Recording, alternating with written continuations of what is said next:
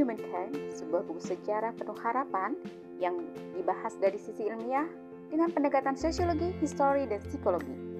Ditulis oleh penulis bernama Roger Bregman yang sejujurnya asing buat saya, padahal ia adalah seorang penulis terlaris internasional.